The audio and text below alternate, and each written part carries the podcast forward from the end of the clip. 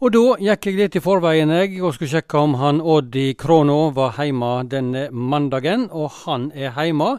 Vi kommer nå innom til kunstneren og forkynneren Odd Dubland, og du sitter bare og venter du på at jeg ringer deg?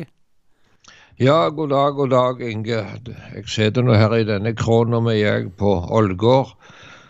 Ser ut vinduet, ser på en dataskjerm, heller på en mikrofon og hører telefoner på ørene mine. Så venter jeg at du skal ringe hver eneste mandag som regel da. Ja ja, ikke alltid da, men oftest, hver, oftest på mandagen da, så ringer du til meg. Og... Ja, Sist mandag da hadde vi et gjenhør, for da hadde jeg eh, fri. så...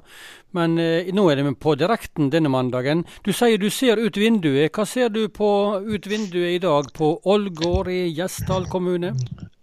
Nei, Jeg ser rett ut på torget her og ser på en vei som heter Ole Nilsens vei. Ole Nilsen han var forresten en uh, husmannsgutt fra Hjelmeland i Ryfylke, eh, som i 1870 kom til Ålgård og begynte med ullvareproduksjon. Kjøpte rettigheten til en liten foss her for 700-800 kroner, og bygde opp en industri her på Ålgård. og det var ullvareproduksjon som var sentrum her på, i bygda for mange, mange, mange år siden. Du, eh, Dette hadde vi ikke planlagt å snakke om nå, Odd, men eh, har du sånn historie lagra, du? Ja, ja, jeg prøver å minnes litt grann da. og der er, der er, Men du ser, eh, han eh, Ole Nilsen han var haugianer. Jaha, så ja, Hans Nilsen Hauges venner?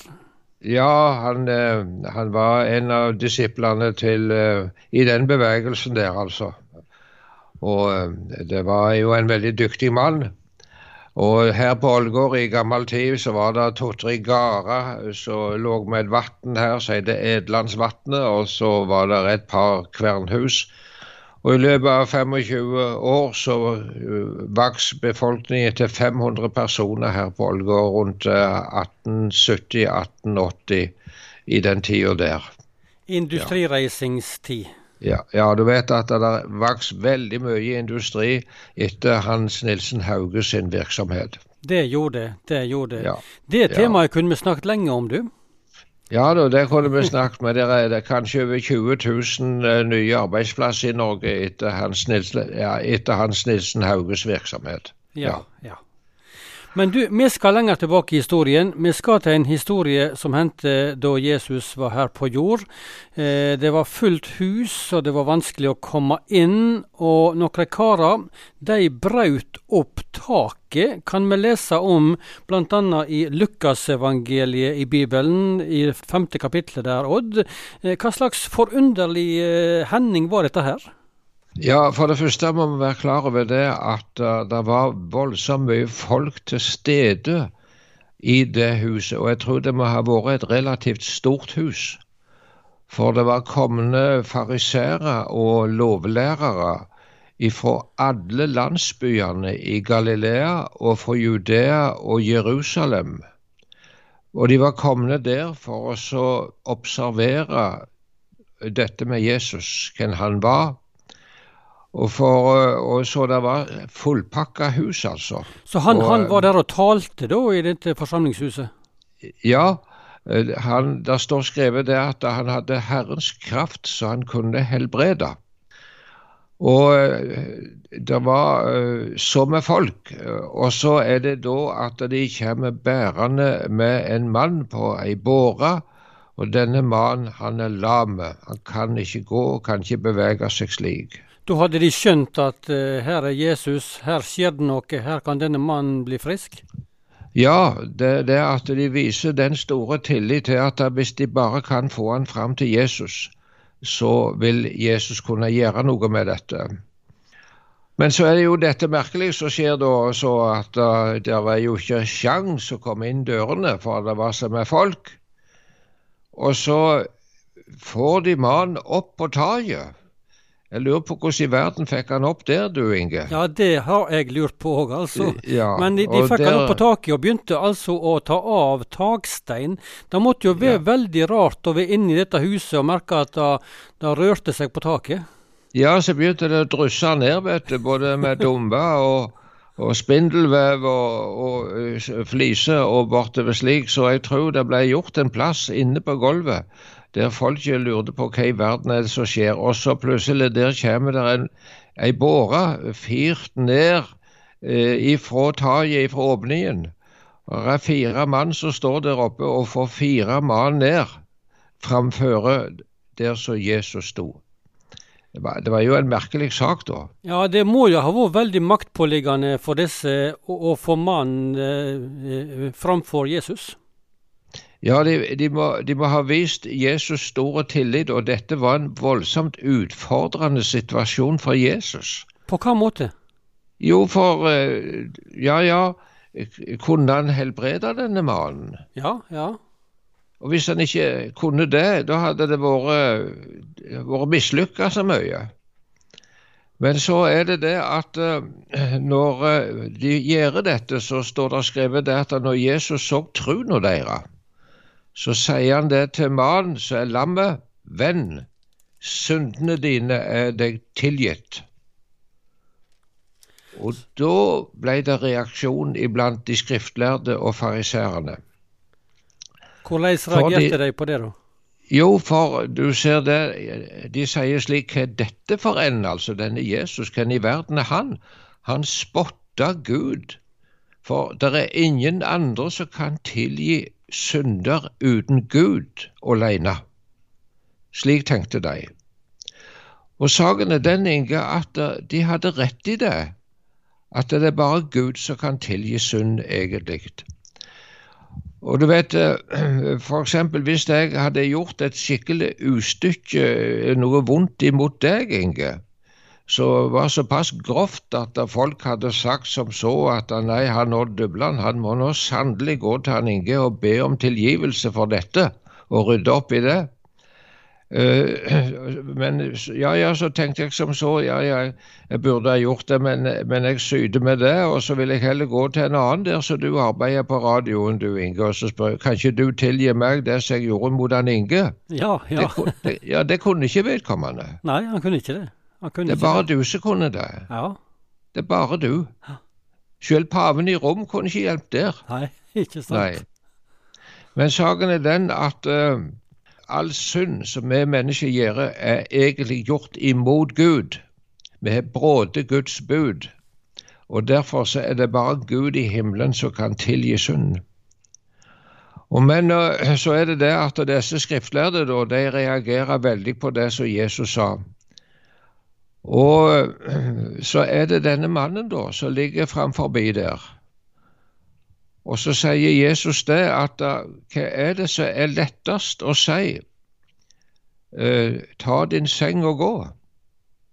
Eller reis deg og ta din seng og gå. Eller dine synder er deg forlatt.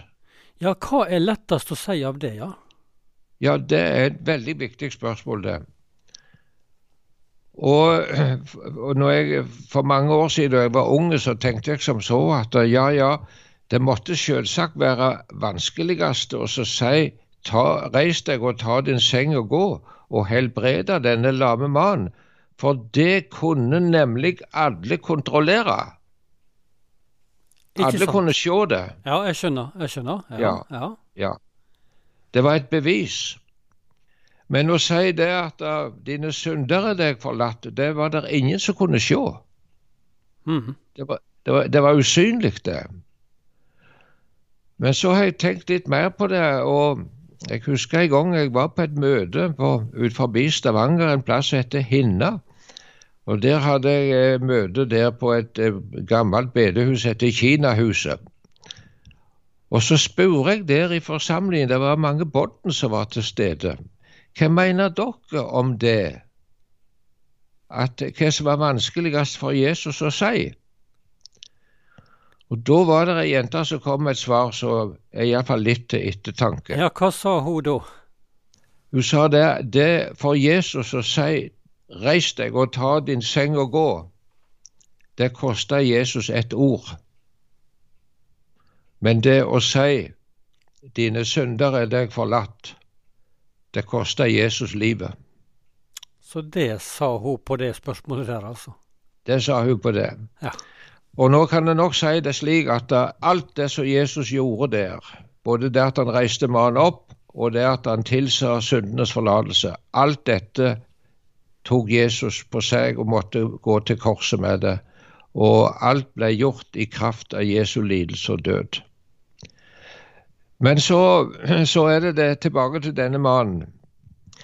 For så er det det fariserene og skriftlærde de ser der og lurer på hva Jesus vil gjøre. Og så sier Jesus det for at det skal forstå eller skjønne at menneskesønnen eller Jesus, har makt på jord å tilgi synd, så sier han til den lame, reis deg, ta din seng og gå. Og så skjer dette forunderlige og aldeles naturstridige, et under ifra himmelen, et tegn, en hjelpeløs mann får helsa si igjen på flekken, tar senga og går ut. Og Jeg ser for meg, du vet de hadde problemer med å få han inn. Ja, ikke sant? Ja, ja de firte han ned ifra taket. Men jeg tror det at når mannen reiste seg og, og tog, uh, tulla sammen disse herrene klærne som han hadde leie på, så fikk han god plass når han gikk ut døra. For folk rygga tilbake i forferdelse over det de hadde sett. Det, det er aldeles, Og de sa det etterpå, folket. Fulle av åtte, står det skrevet. Altså fulle av frykt. I dag har vi sett utrolige ting. Og så er det en ting til slutt jeg hadde lyst til å si om det. Nå har Jesus sagt eh, mange fine ord og løfter som han har gitt de som tror på han. Han eh, sier f.eks. det at den som tror på han skal leve om han så dør. Og den som tror på han skal aldri i evighet se døden. Og eh, han har gitt løfte om syndenes forlatelse til alle de som tror på Han og tar imot Han. Og så er det spørsmål, da. Har vi fått et tegn på at Jesus snakker sant? Ja, hva vil du svare på det, Odd? Ja, vi har fått et tegn. Og det er? Gud reiste Jesus opp ifra de døde. Og Gud godkjente det frelsesverk som Jesus gjorde. Der er tegnet vi har fått. Og Hvis jeg legger merke med Jesus sine apostler eller læresveiner, hvor frimodige de var når de forkynte det at Jesus Kristus er oppstanden ifra de døde.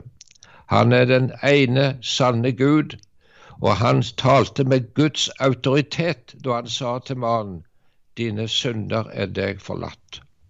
Det var de tankene som jeg hadde her ifra krona mi i dag, du Inge. Da sier jeg hjertelig takk nok en gang for denne drøsen med deg, Odd Dubland.